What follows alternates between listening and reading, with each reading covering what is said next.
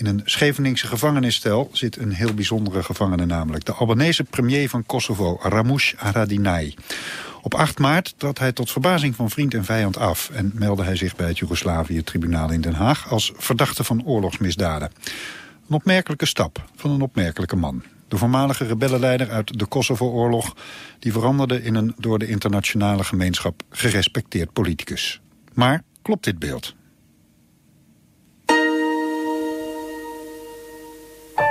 De ex-premier van Kosovo en voormalige rebellenleider Ramush Haradinaj... heeft zich in Den Haag gemeld bij het Joegoslavië-tribunaal. Haradinaj was sinds drie maanden premier van Kosovo, maar gisteren trad hij af na te zijn beschuldigd van oorlogsmisdaden. Haradinaj was eind jaren 90 leider van het UCK, het Kosovo Bevrijdingsleger. Het UCK voerde toen etnische zuiveringen uit, waarbij de meeste Serviërs met geweld uit Kosovo werden verjaagd. Glotschan war der Hauptsitz des Haradinaj, sozusagen sein Headquarter. Und da hat man dann eben auch diese 39 Tote ausgegraben. Dass hier äh, Albaner durch Albaner erschossen worden waren, das steht nicht in Frage. Das sei durch die UCK geschehen. Und als wir fragten, fiel der Name Haradinaj. Dat is een, eh, een geheim document van de NAVO en dat is een bad guy list. Dus een lijst van slechterikken. En meneer Hardinaj die staat absoluut in de top 6. Hij wordt uh, van nogal wat dingen uh, verdacht. Criminele praktijken, terrorisme, ga zo maar door. De Hardinaj Clan, dat is uh, de belangrijkste, de meest machtige criminele organisatie in het westen van Kosovo.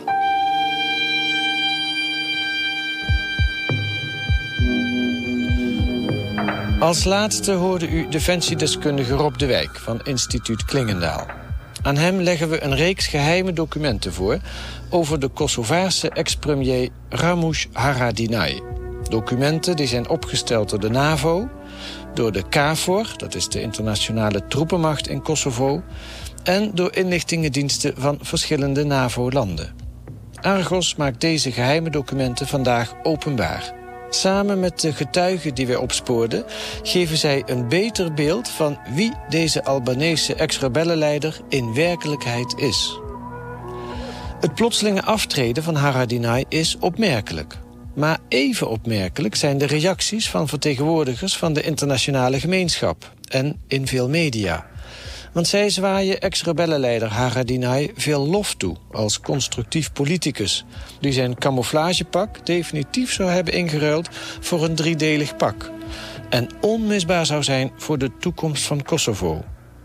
Wie is Ramush Haradinaj? Welke rol heeft hij precies gespeeld? Is Haradinaj een oorlogsheld of een crimineel? Waren de misdaden waarvan hij wordt verdacht... uitsluitend gericht tegen de toenmalige vijand, de Serviërs? Is hij na de Kosovo-oorlog met zijn praktijken gestopt? En waarom heeft de internationale gemeenschap deze man jarenlang de hand boven het hoofd gehouden? To Ramos Haradinaj's dynamic leadership, strong commitment and vision, Kosovo is today closer than ever before to achieving its aspiration in settling its future status. Dankzij het dynamische leiderschap, de tomeloze inzet en de visie van Ramush Haradinaj is Kosovo vandaag dichter dan ooit bij de verwezenlijking van zijn aspiraties. Zo reageert de hoogste baas van het VN-bestuur in Kosovo, de Deen Søren Jessen Petersen, op 8 maart op het aftreden van Haradinaj, die hij zelfs omschrijft als een nauwe partner en vriend lovende woorden voor een man die door het Joegoslavië-tribunaal wordt aangeklaagd wegens een waslijst van oorlogsmisdaden en misdaden tegen de menselijkheid. Daaronder ontvoering, mishandeling, etnische zuivering en tientallen moorden. En deze misdaden zijn, volgens de aanklacht, begaan in 1998 en 1999 tijdens de oorlog van het Albanese rebellenleger UCK tegen de Serviërs. Een oorlog die na wekenlange NAVO-bombardementen op Servische doelen door het UCK werd gewonnen. Het NAVO-ingrijpen werd destijds gerechtvaardigd met het argument dat de Servische machthebbers bezig waren de Albanese meerderheid in Kosovo te verdrijven en uit te roeien. Maar niet alleen Albanese werden verdreven. Ook een groot deel van de Servische minderheid in Kosovo werd verjaagd. En bij deze etnische zuiveringen tegen de Serviërs speelde Ramush Haradinaj, volgens het Joegoslavië-tribunaal, een hoofdrol. UCK-strijdkrachten onder het commando en de controle van Ramush Haradinaj zetten een systematische campagne op om controle te krijgen over het gebied tussen Klocjan en Dechani, om de etnische Serviërs uit de dorpen waarin ze woonden te kunnen verdrijven.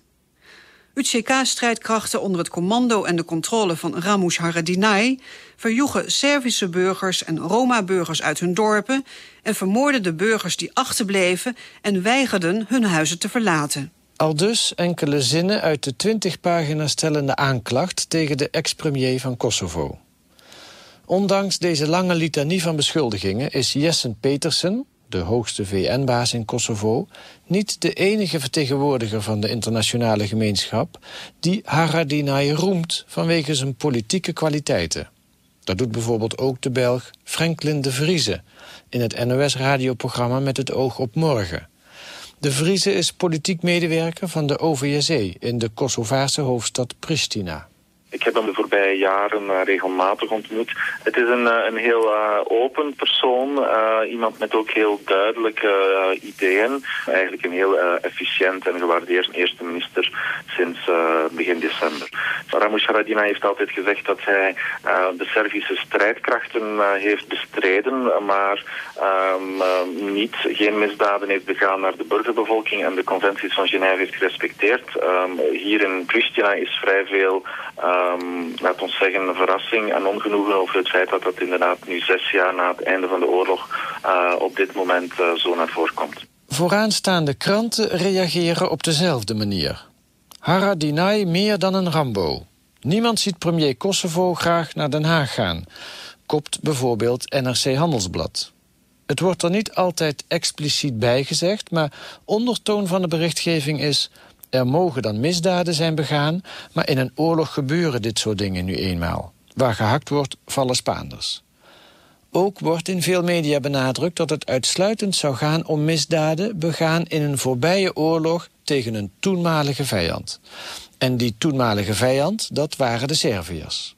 Maar alleen al in de aanklacht van het Joegoslavië-tribunaal valt te lezen dat niet alleen de Serviërs doelwit waren van Haradinaj's misdaden. De slachtoffers van deze misdaden zijn personen die niet actief betrokken waren bij oorlogshandelingen. Het zijn of Servische burgers, of personen die ervan verdacht werden met Serviërs samen te werken, of personen van wie om andere redenen gedacht werd dat ze het UCK niet steunden. En de aanklacht van het Joegoslavië-tribunaal gaat als volgt verder. Tussen maart en september 1998 werden in de Dukajin-regio minstens 25 Servische politieagenten onder vuur genomen. Meer dan 60 burgers, zowel Serviërs als Albanese, werden ontvoerd. Vele van hen werden vervolgens gedood. Toch meldt bijvoorbeeld het NOS-journaal dat uitsluitend niet-Albanese het slachtoffer zouden zijn geweest van Haradinaj's criminele praktijken. Haradinaj, zelf van Albanese afkomst, wordt beschuldigd van oorlogsmisdaden tegen de niet-Albanese bevolking van Kosovo. Rob de Wijk, we hebben een aantal documenten meegebracht. Hè. In die documenten speelt meneer uh, Ramush Haradinaj een belangrijke rol. Uh, wat zijn dit voor soort documenten? Nou, het is een flinke berg uh, documenten. Het zijn er niet een paar. ik zie hier documenten van de NAVO liggen. Eh, documenten van KFOR. Eh, oftewel eh, de vredesmacht die op dit ogenblik actief is in Kosovo. En ik zie ook een aantal nationale documenten, dus van nationale inlichtingendiensten. Het zijn uh, niet documenten die we zomaar ergens uh, in een bibliotheek vinden. Het zijn geheime documenten, vertelt u ons. Wat zijn de geheimhoudingsclassificaties?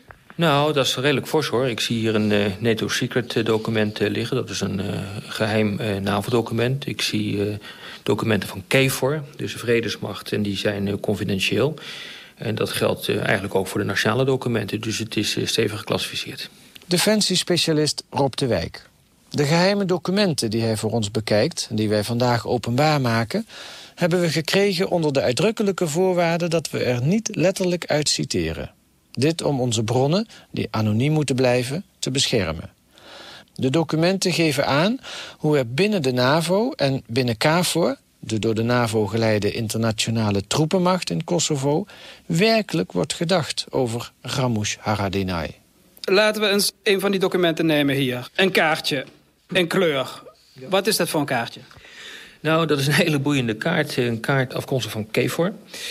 Waarin is aangegeven waar clans zitten in Kosovo... die geassocieerd worden met criminaliteit. En dat zijn er nogal wat. Een hele interessante is uh, dat ook meneer Hardinay uh, daarbij zit. Althans, zijn clan. Uh, die is afkomstig uit het, het westen van Kosovo. Dat ligt tegen de Albanese grens aan. Dus op dat kaartje is het westelijk deel van Kosovo ingekleurd in het geel... waar zijn naam ook in staat. Dus dat is kennelijk een gebied in Kosovo... wat zijn criminele clan, want zo wordt het gewoon genoemd, controleert. Ja, en uh, Harry zelf uh, is leider van de clan en speelt daar dus een belangrijke rol in. Dan hebben we hier een tweede kaartje, ook uh, prachtig in kleur, allemaal ingetekend. Wat, wat staat hier ingetekend? Dit is een kaartje van Kosovo. Uh, en wat we hier zien is, uh, dat is ook heel interessant... dat zijn eigenlijk alle smokkelroutes. En dan gaat het om wapens om, en om drugs uh, voornamelijk. Het gaat uh, bijvoorbeeld ook om, om vrouwenhandel, mensensmokkel. En ja, het kan bijna geen toeval zijn... maar nogal wat van die routes die lopen gewoon door het gebied van de clan van Hardinai. De wijk pakt nog een ander geheim document van de stapel. Een document dat recentelijk is opgesteld. Nou, wat we hier hebben, dat is een, uh, een target folder. Uh, dat betekent eigenlijk gewoon dat het een biografietje is... in dit geval van uh, meneer Ramush Hardinai. Gegevens die uit bronnen van inlichtingendiensten komen... Hè, die, die betrokken zijn bij die KAVO-operatie of bij de NAVO. Dat staat er ook boven. Ja, en uh, daarin staat uh, niet wat hij voor goeds heeft gedaan... maar wat hij voor slechts aan het doen is. Hè. Nou, en dat is nogal wat, want de Hardinai-clan... ik citeer nu, dat is uh, de belangrijkste, de meest machtige criminele organisatie... in het westen van Kosovo. Dus het is echt wat dat betreft een, een, een zware jongen. Wat ook interessant is, is dat uh, deze man twee gezichten heeft. Aan de ene kant wordt hij gezien door zijn eigen achterban als oorlogsheld... Aan de andere kant zegt hij van, nou ja, ik ben voor een multi-etnisch Kosovo. Maar als hij niet in het openbaar spreekt... dan zet hij toch even een andere pet op en dan zegt hij... nou, ik ben eigenlijk uh, toch wel voor een Kosovo... waarin het Albanese ras toch kan zegevieren. Want dat is een letterlijk citaat wat hier staat. Zodra hij spreekt met zijn radicale achterban... dan spreekt hij bijvoorbeeld over de perfection of the Albanian race. Ja, en dan uh, waarschijnlijk... Uh, in de lokale taal. Maar uh, dat betekent dus natuurlijk toch dat uh, ja, hij heeft echt een politieke pet opgezet. Uh, hij spreekt met twee monden in het openbaar naar de internationale gemeenschap toe. Is het een man die politiek correcte taal uitslaat. maar als je hem kennelijk wat beter leert kennen... dan zegt hij allemaal dingen die feitelijk volgens diezelfde internationale gemeenschap... niet door de burger kunnen. We gaan terug naar het begin van de carrière van Hagadinaj, de oorlogsheld uit de Kosovo-oorlog. In 1998 was hij de hoogste commandant van het UTK in West-Kosovo, het gebied rondom de stad Peć. We gaan op zoek naar getuigen die hem daar toen hebben meegemaakt. Dat valt niet mee. Al helemaal niet om mensen voor de microfoon te krijgen. Er heerst nog steeds een sfeer van angst in Peć zegt een van de mensen die ons over hun ervaringen willen vertellen, mits we absolute anonimiteit garanderen. Hij en zijn familie zijn al verschillende keren bedreigd. Zelf is hij een keer in elkaar geslagen en met een mes gestoken. Hij laat het litteken zien.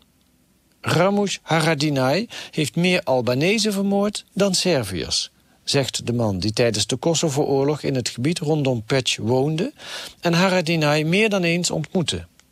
Over de omstandigheden van die ontmoetingen mogen we niet verder in detail treden... omdat de man bang is dat hij daardoor kan worden geïdentificeerd. Ook bij jullie in Nederland zitten vrienden van Haradinaj. Als die jullie uitzending horen, kan dat nare gevolgen voor mij hebben, zegt hij. Hij vertelt verder... Wat een onzin dat Haradinaj een oorlogsheld zou zijn. Dat is pure mythevorming. In werkelijkheid heeft hij geen enkele grote slag gewonnen... Zijn grootste verdienste was dat hij in oktober 1998... de Albanese vlag in Jablanica gehesen heeft... nadat de Serviërs zich hadden teruggetrokken. Pas nadat de NAVO was begonnen met het bombarderen van de Serviërs... werd Haradinaj de grote oorlogsheld. Ik hatte ziemliche Angst als dieser Ort erobert wurde und man direkt dahinter 39 Leichen ausgegraben hat. Aan het woord is de Duitse overste buitendienst Wolfgang Kaufmann. Hij vertelt dat de angst bij hem toesloeg toen hij in september 1998 zag hoe vlakbij het hoofdkwartier van Ramush Haradinaj 39 lijken werden opgegraven. Kaufman zat destijds als waarnemer voor de Europese Unie in Kosovo. Hij was leider van het EU-team in het westen van Kosovo, het gebied waar Haradinaj toen de hoogste UCK-commandant was. Haradinaj had zijn hoofdkwartier gevestigd in Glodjan, zijn geboortedorp. Da läuft ein Kanal längs und an dieser Kanalmauer da konnte man noch die Einschussspuren sehen von den Salven, wenn die hingerichtet wurden. Und da hat man dann eben auch diese 39 Tote ausgegraben. Er loopt een kanaal achterlangs. Bij de kanaalmuur, waar de executies tal van kogelgaten hadden achtergelaten, werden 39 lijken opgegraven. Die waren in, in Plastikplanen eingehüllt und in den verschiedensten Stadien der Verwesung. De lijken waren in plastic gehuld en verkeerden in verschillende stadia van ontbinding. Sommigen hadden prikkeldraad om hun nek gebonden. Dat gaf ons meteen al het idee van de gruwelijkheden die daar hadden plaatsgevonden.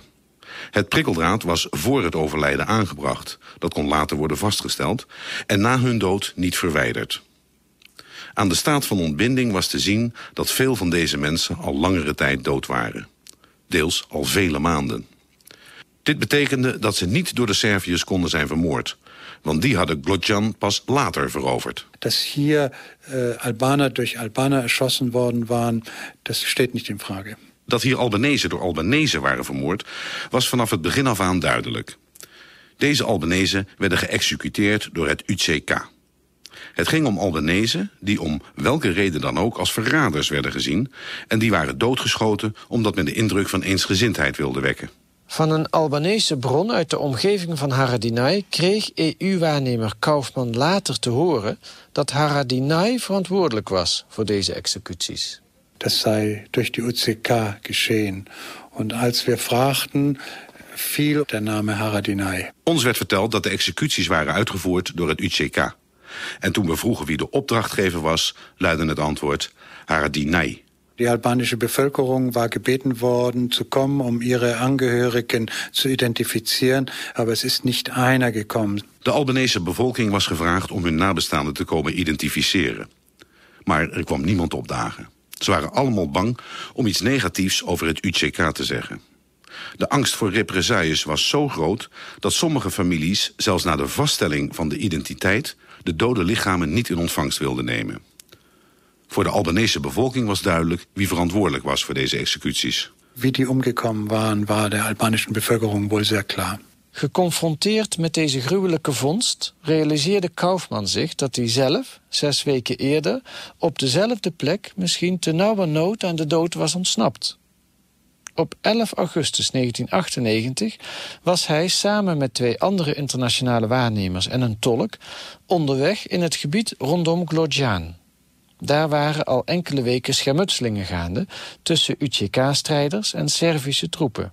De wit geschilderde EU-jeep van het waarnemersteam werd gestopt en door een groep Albanese strijders naar het UCK-hoofdkwartier geëscorteerd. Daar heerste een uiterst nerveuze, grimmige sfeer. Nadat Kaufman en zijn drie collega's waren uitgestapt, stormde een groep UCK-strijders naar de jeep en scheurde er de EU-banieren vanaf. En daarbij schreeuwden ze dat de waarnemers verraders waren. We worden met Gewehrgewalt in den Innenhof dieses Headquarters geführt. Met geweren op ons gericht werden we afgevoerd naar de binnenplaats van het hoofdkwartier. Daar stond een groep van dertien strijders, scheldend en zwaaiend met hun kalasjnikovs. De agressie richtte zich vooral op onze Albanese tolk. De Anführer der Gruppe zog zijn 9 mm en richtete sie auf ihn. De aanvoerder van de groep trok zijn pistool en richtte dat dreigend op onze tolk, gebarend alsof hij hem ter plekke wilde executeren. Ik wilde voor de tolk gaan staan, maar kreeg een Kalashnikov in mijn buik gedrukt. Onze tolk riep in het Albanees. Ik heb me immer gedacht, dat ik mal van Serma erschossen werden würde, aber nie, dat mijn eigen Brüder mich erschießen würden. Ik heb altijd gedacht dat ik door Serviërs zou worden vermoord. Maar ik heb er nooit rekening mee gehouden dat mijn eigen broeders mij zouden doodschieten, riep onze tolk. Vervolgens werden we afgevoerd en opgesloten in een klein hok... waar we, zo werd ons gezegd, moesten wachten op onze executie. Nachdem we daar einige Zeit gesessen hatten, kam een junger Mann und fing an Fragen zu stellen. Toen we een tijd in dat hok zaten, kwam een jonge man binnen met een grote dolk op zijn borst. Hij begon ons te ondervragen in het Albanees en deels ook in gebrekkig Frans. Waarom we in Kosovo waren, hoe de EU-missie precies werkte, wat we vonden van de situatie. De ondervrager zei niet wie hij was. Het was alleen duidelijk dat hij de commandant van dit hoofdkwartier was. Na de ondervraging werden we vrijgelaten. Erst fünf Wochen später haben wir den Vornamen Ramos erfahren und dann später auch den Familiennamen Haradinaj. Pas weken na dit incident kreeg EU-waarnemer Kaufman de naam van deze jongeman te horen. Ramush Haradinaj. En toen Kaufman vervolgens bij datzelfde hoofdkwartier van Haradinaj ooggetuige was van de opgraving van de 39 lijken, toen drong het pas echt tot hem door dat hij zelf hier ook geëxecuteerd had kunnen worden. Want de mannen van Haradinaj, die hen gevangen hadden genomen, waren echte killers. Dieser Haufen, der uns da fast erschossen hätte, war sein Haufen. Das heißt, dass diese Männer wirkliche Killer waren. Ook de aanklagers van het Joegoslavië-tribunaal in Den Haag gaan ervan uit dat Haradinaj verantwoordelijk is voor de dood van deze mensen. De vondst van de 39 lijken staat vermeld in de aanklacht tegen hem. Een deel van deze lijken werd geïdentificeerd. Het gaat om burgers. Serviërs, Roma en Albanese, die in de maanden tussen april en september 1998 verdwenen zijn. Tijdens de oorlog en voorafgaande aan de oorlog ehm, heeft de NAVO, het Westen, de Europese Unie, hoe je het zo willen noemen, voortdurend uh, gezegd uh, dat de Serviërs zich schuldig maakten aan de meest barbaarse oorlogsmisdaden en, en genocide in dat gebied. Ja, en er begint zo langzamerhand dus een beeld ontstaan waarin dat, om het maar zo te zeggen, toch genuanceerd wordt. Terwijl de dingen die de Serviërs in die tijd zelf hebben gezegd... die bleken toch in een aantal gevallen gewoon waar te zijn geweest. Deze conclusie van defensiespecialist Rob de Wijk... die ingaat tegen de gangbare visie op het Kosovo-conflict... wordt bevestigd door de bevindingen van EU-waarnemer Wolfgang Kaufman. De Albanese bron uit de omgeving van Haradinaj... waarmee Kaufman uitvoerig sprak vertelde hem dat de opgegraven 39 doden niet de enige burgers zijn die in West-Kosovo zijn vermoord in opdracht van de Albanese rebellenleider Haradinaj. In totaal zouden onder dienstverantwoordelijkheid destijds zo'n 200 mensen op deze manier uit de weg zijn geruimd. Der sagte, in diesem ganzen Bereich seien um die 200 Personen auf diese Art und Weise umgebracht worden. De identiteit van Kaufmans bron moet geheim blijven, omdat diens leven anders ook nu nog gevaar zou lopen. Ook uit eigen waarneming weet EU-diplomaat Kaufman dat er destijds veel meer burgers zijn geëxecuteerd door het UCK dan de 39 die in het najaar van 1998 werden opgegraven. Auch später haben wir immer äh, pro Woche zwei Tote vor Patch oder irgendwo anders gesehen, die auf offenem Feld erschossen worden waren, wo ich keinerlei Anhaltspunkte hatte, dass das durch Serben geschehen sein konnte. Ook later, zo vertelt Kaufman, vonden er in de regio waar hij als waarnemer was gestationeerd, dus in en rondom Patch, wekelijks ongeveer twee liquidaties plaats. En daarbij was er geen enkele aanwijzing dat die door of in opdracht van Serviërs werden uitgevoerd. Bij die slachtoffers ging het niet alleen om mensen die werden verdacht van collaboratie met de Serviërs. Ook Albanese, die om andere redenen afbreuk deden aan het beeld van de eensgezinde Albanese steun voor het UCK, liepen volgens Kaufman het gevaar te worden geliquideerd. De beeldvorming in de westerse media, waarin de Serviërs en hun president Milosevic verantwoordelijk waren voor het geweld in Kosovo, was onjuist, vindt Kaufman. Tot 24 maart 1999, de dag waarop de NAVO begon met het bombarderen van Servische doelen, was er meer geweld van de kant van het UCK dan van de Serviërs. Zo constateerde de toenmalige EU-waarnemer in Kosovo. Man darf eines nicht vergessen, dass zu Beginn der Luftschläge es mehr Tote durch die UCK gegeben hat als durch die serbische Militär und Polizei im Kosovo. De directe chef van Kaufman was overste buitendienst Dietmar Hartwig. Hartwig zat vanaf het najaar 1998 als EU-waarnemer in de hoofdstad Pristina en werd vanaf januari 1999 het hoofd van de EU-waarnemersmissie in Kosovo. Ook Hartwig vindt dat de mediaberichtgeving over het conflict in Kosovo in strijd was met de werkelijke situatie. Es war eben nicht so, dass alle Albaner nur von Serben umgebracht wurden. Veel Albanezen zijn niet door Serviërs, maar door Albanezen omgebracht. Vaak was het motief voor de liquidaties dat ze werden verdacht van collaboratie met de Serviërs.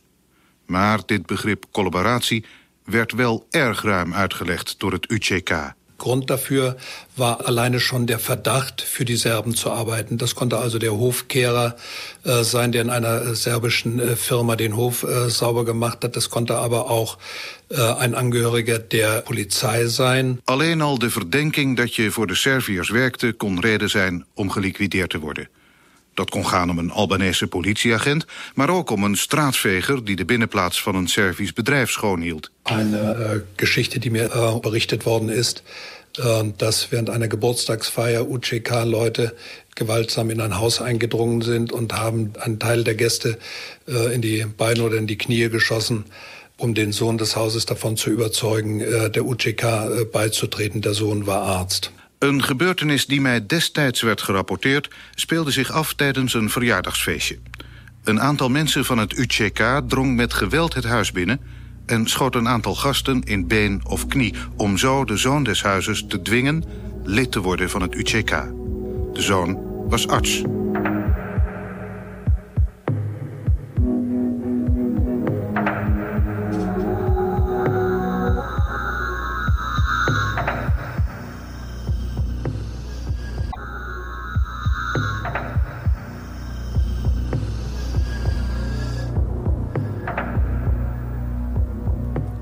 Luistert naar De Ochtenden op Radio 1. De VPRO met het programma Argos. Vandaag over de ex-premier van Kosovo, Ramush Haradinaj. Vorige maand trad hij tot verbazing van vriend en vijand af... en meldde zich bij het Joegoslavië-tribunaal als verdachte van oorlogsmisdaden. Ex-rebellenleider Haradinaj kreeg in de media veel lof toegezwaaid... als constructief politicus die onmisbaar zou zijn voor de toekomst van Kosovo. Wie is Ramush Haradinaj? Aan de hand van geheime inlichtingenrapporten schetst Argos een portret van een man met vele gezichten. Het recruteren van UCK-leden ging dus gepaard met intimidatie en geweld.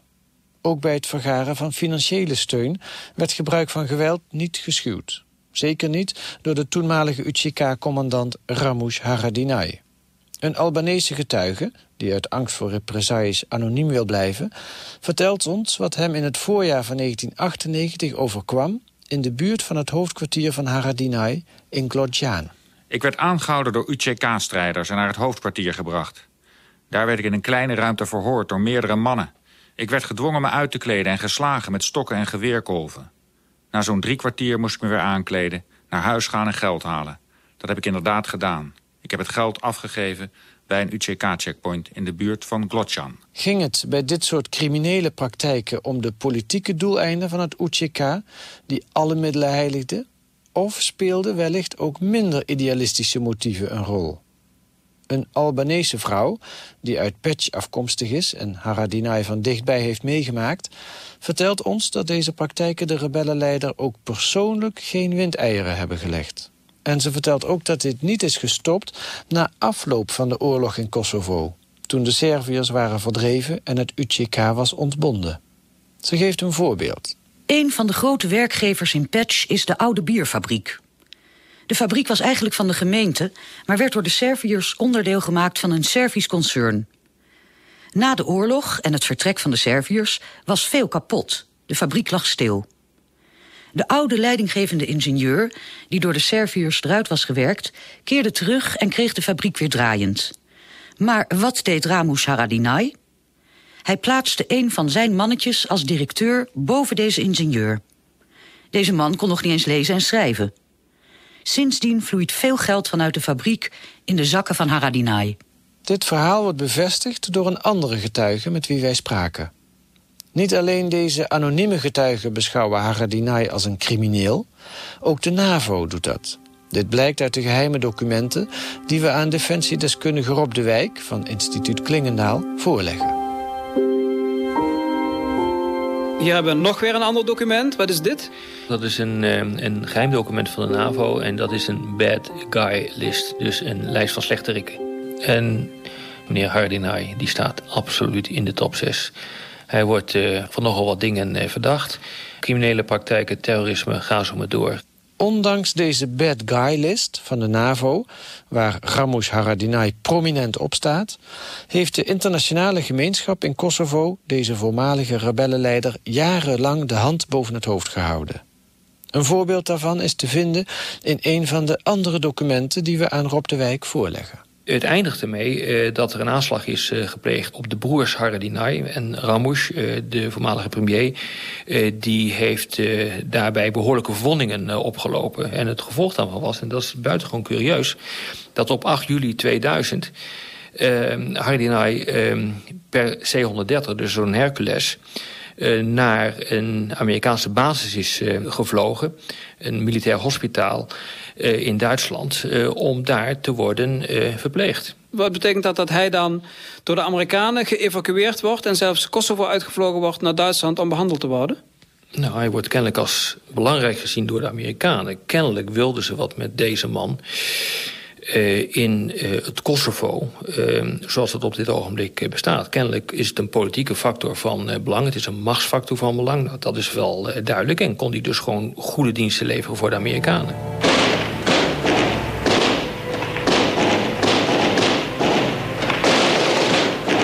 Het grootste deel van de dag hetzelfde beeld als de afgelopen dagen in en rond Tetevo.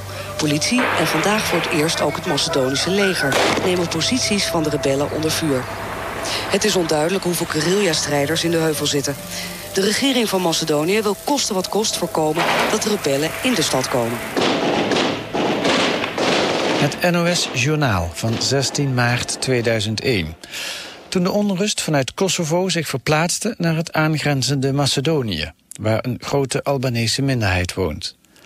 De Albanese rebellen die in de bergen van Macedonië de strijd ontketenden, waren afkomstig uit Kosovo. Ze zijn aanhangers van de Groot-Albanese gedachte. Dat wil zeggen de vorming van een nieuw Albanese staat met Kosovo als kern en daaraan toegevoegd gebieden van andere landen met Albanese bevolkingsgroepen. Zoals bijvoorbeeld Macedonië. Uit de geheime inlichtingenrapporten waarover wij beschikken blijkt dat een van de rebellengroepen die vanuit Kosovo in Macedonië infiltreerde een geheime speciale eenheid van het voormalige UCK was, de Zwarte Adelaars genaamd. En die infiltraties vanuit Kosovo in Macedonië heeft het Joegoslavië-tribunaal niet onderzocht. Maar wel legt het tribunaal een verband tussen Ramush Haradinaj en die Zwarte Adelaars. In de aanklacht van het tribunaal staat het als volgt geformuleerd. UCK-strijdkrachten onder het commando en de controle van Ramush Haradinaj, inclusief de zogeheten Zwarte Adelaars. In de aanklacht staat ook te lezen over een van de medeverdachten van Haradinaj. Idris Balai was lid van het UCK en trad op als commandant van een speciale eenheid met de naam de Zwarte Adelaars. Hij was ondergeschikt aan Ramush Haradinaj, rapporteerde direct aan hem en werkte nauw met hem samen. Hier hebben we een document en daar staat boven NATO Secret. Ja, dus dat is een, uh, dat is een uh, geheim NAVO-document. En het aardige is dat het gaat over de Black Eagles, uh, oftewel de Zwarte Adelaars. Dat is een, ja, dat is een, een organisatie die zich bezighoudt met criminele praktijken, met moorden. En uh, die staan in uh, zeer nauw contact uh, met Haradinaj. Nou, die hele Black Eagles, Zwarte Aardelaars club... Ja, die is actief in dat grensgebied, Presevo-vallei. Gaat de grens ook over naar Macedonië. En heeft zich feitelijk toch een beetje opgesteld de afgelopen jaren... als een soort, soort doodseskade. Dus een frisse club is dat niet. En wat heel interessant is, is dat hier gezegd wordt... Hè, die, die, die zwarte arenden, de Black Eagles... die hebben een hele belangrijke rol gespeeld... bij de onrusten die er geweest zijn in uh, Macedonië. Ja, nee, het is echt een, uh, een organisatie die de boel flink zit uh, op te stoken. En wat we dus de afgelopen jaren vaak hebben gezien... is dat die Albanese zelf de boel zitten te verstieren. Er is steeds eigenlijk in het Westen gezegd... Hè, want de NAVO die heeft in de tijd ingegrepen... En, en bombardementen uitgevoerd tegen Servische doelen... omdat men daarmee de grote Servische gedachte binnen de perken wilde houden. Ik denk dat de groot-Albanië of de groot-Kosovo-gedachte... dat die mogelijkerwijs nog sterker zijn... en ik denk ook bedreigender zijn eh, dan de Groot-Servië-gedachte. In ieder geval moet je constateren... Uh, die meneer Hardenard heeft een dubbele agenda. Uh, hij zegt dat hij voor multi-etnisch Kosovo is... Maar in de praktijk is hij voor een mono-etnisch Kosovo. Kosovo voor de Albanese. En hij is ook nog een keer voor een, een, een groot Kosovo of een groot Albanië. En ja, dat zijn toch dingen die redelijk bedreigend zijn voor de stabiliteit in die regio. En dat betekent dus ook dat de internationale gemeenschap dat gewoon echt niet kan hebben. Nu is meneer Haradinaj sinds 2000 leider van een politieke partij in Kosovo... die sinds uh, de vorige verkiezingen ook in de regering zit, hè, de AAK... Ja. Uh, nou ja, hij is inmiddels afgetreden als premierminister. Maar die partij die wordt in uh, kranten hier in Nederland... Bijvoorbeeld in NRC Handelsblad... beschreven eigenlijk als een moderne, liberale... Uh, vooruitstrevende partij. Is dat ook het beeld wat uit deze documenten naar voren komt? Nee, in tegendeel. Dit is een bericht waarin wordt gezegd dat er een moordaanslag wordt beraamd...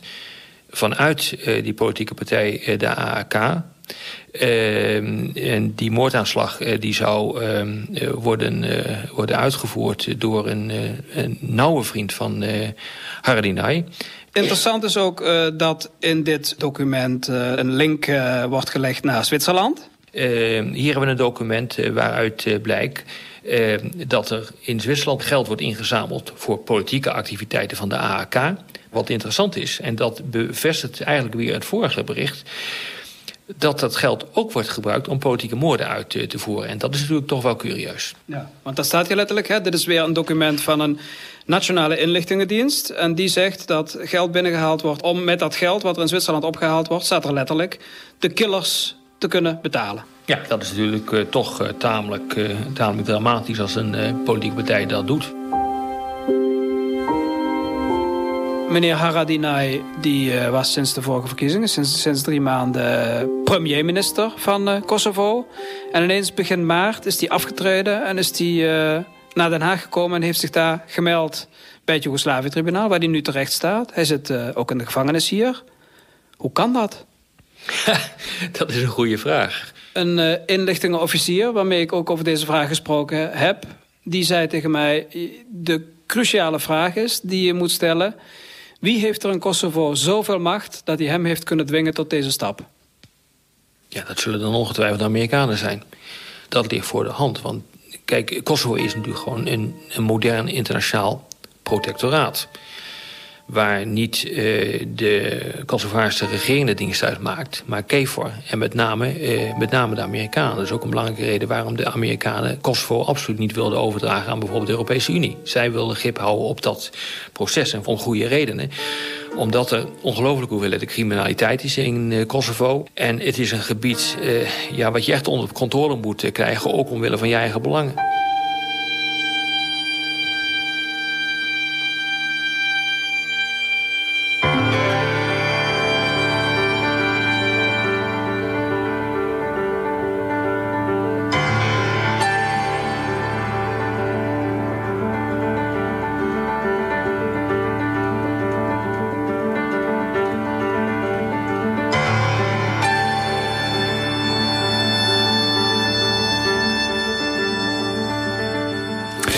Werd deze week gemaakt door Huub Jaspers, Frans Jozef Hoets en Gerard Legebeke.